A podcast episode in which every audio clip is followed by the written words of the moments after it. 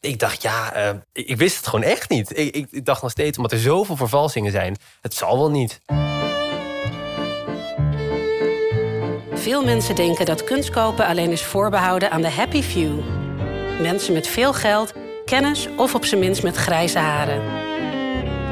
Verzamelaar ben je niet per se als je meerdere dingen hebt, dus een verzamelingetje hebt. Voor mij is het een manier van nadenken. Ik ben Nienke van der Waal en ik presenteer de Young Collectors Podcast. In de podcast laten we zien dat iedereen kunst kan kopen. En nemen we je mee naar 10 bijzondere collecties van hele normale verzamelaars.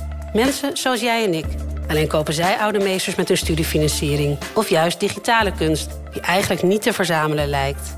Van vrienden die samen een collectie opbouwen tot jonge gezinnen waar alle meningen meetellen.